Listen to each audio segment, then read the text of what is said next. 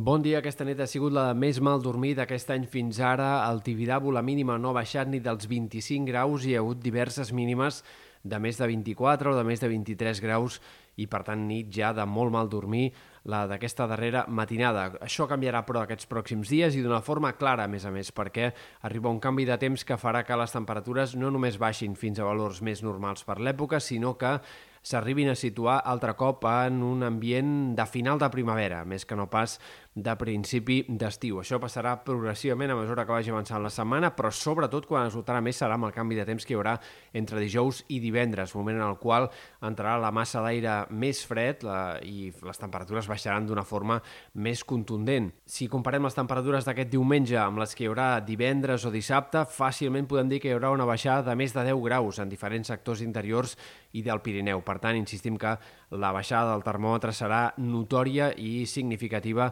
al llarg d'aquesta setmana. Pel que fa a l'estat del cel, hem d'esperar també novetats en aquest sentit. Avui algunes primeres tempestes ja en punts, sobretot al Pirineu Oriental, punts del Prepirineu, nord de la Catalunya central, tot i que no descartem també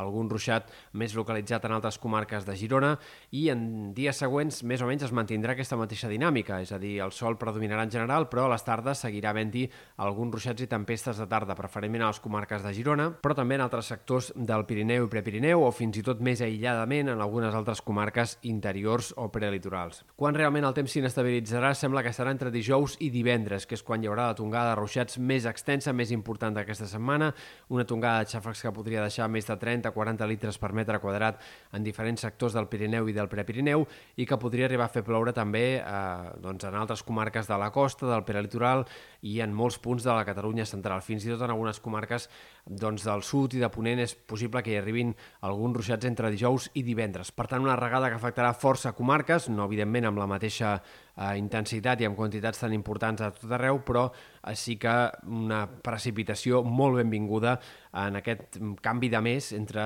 finals de juny i principis del mes de juliol. A més llarg termini, el cap de setmana segurament es repetiran encara algunes tempestes al Pirineu, però els ruixats difícilment seran tan extensos com els de dijous o de divendres, i això sí, la temperatura repuntarà amb relativa facilitat durant el cap de setmana, però sembla que ens instal·larem llavors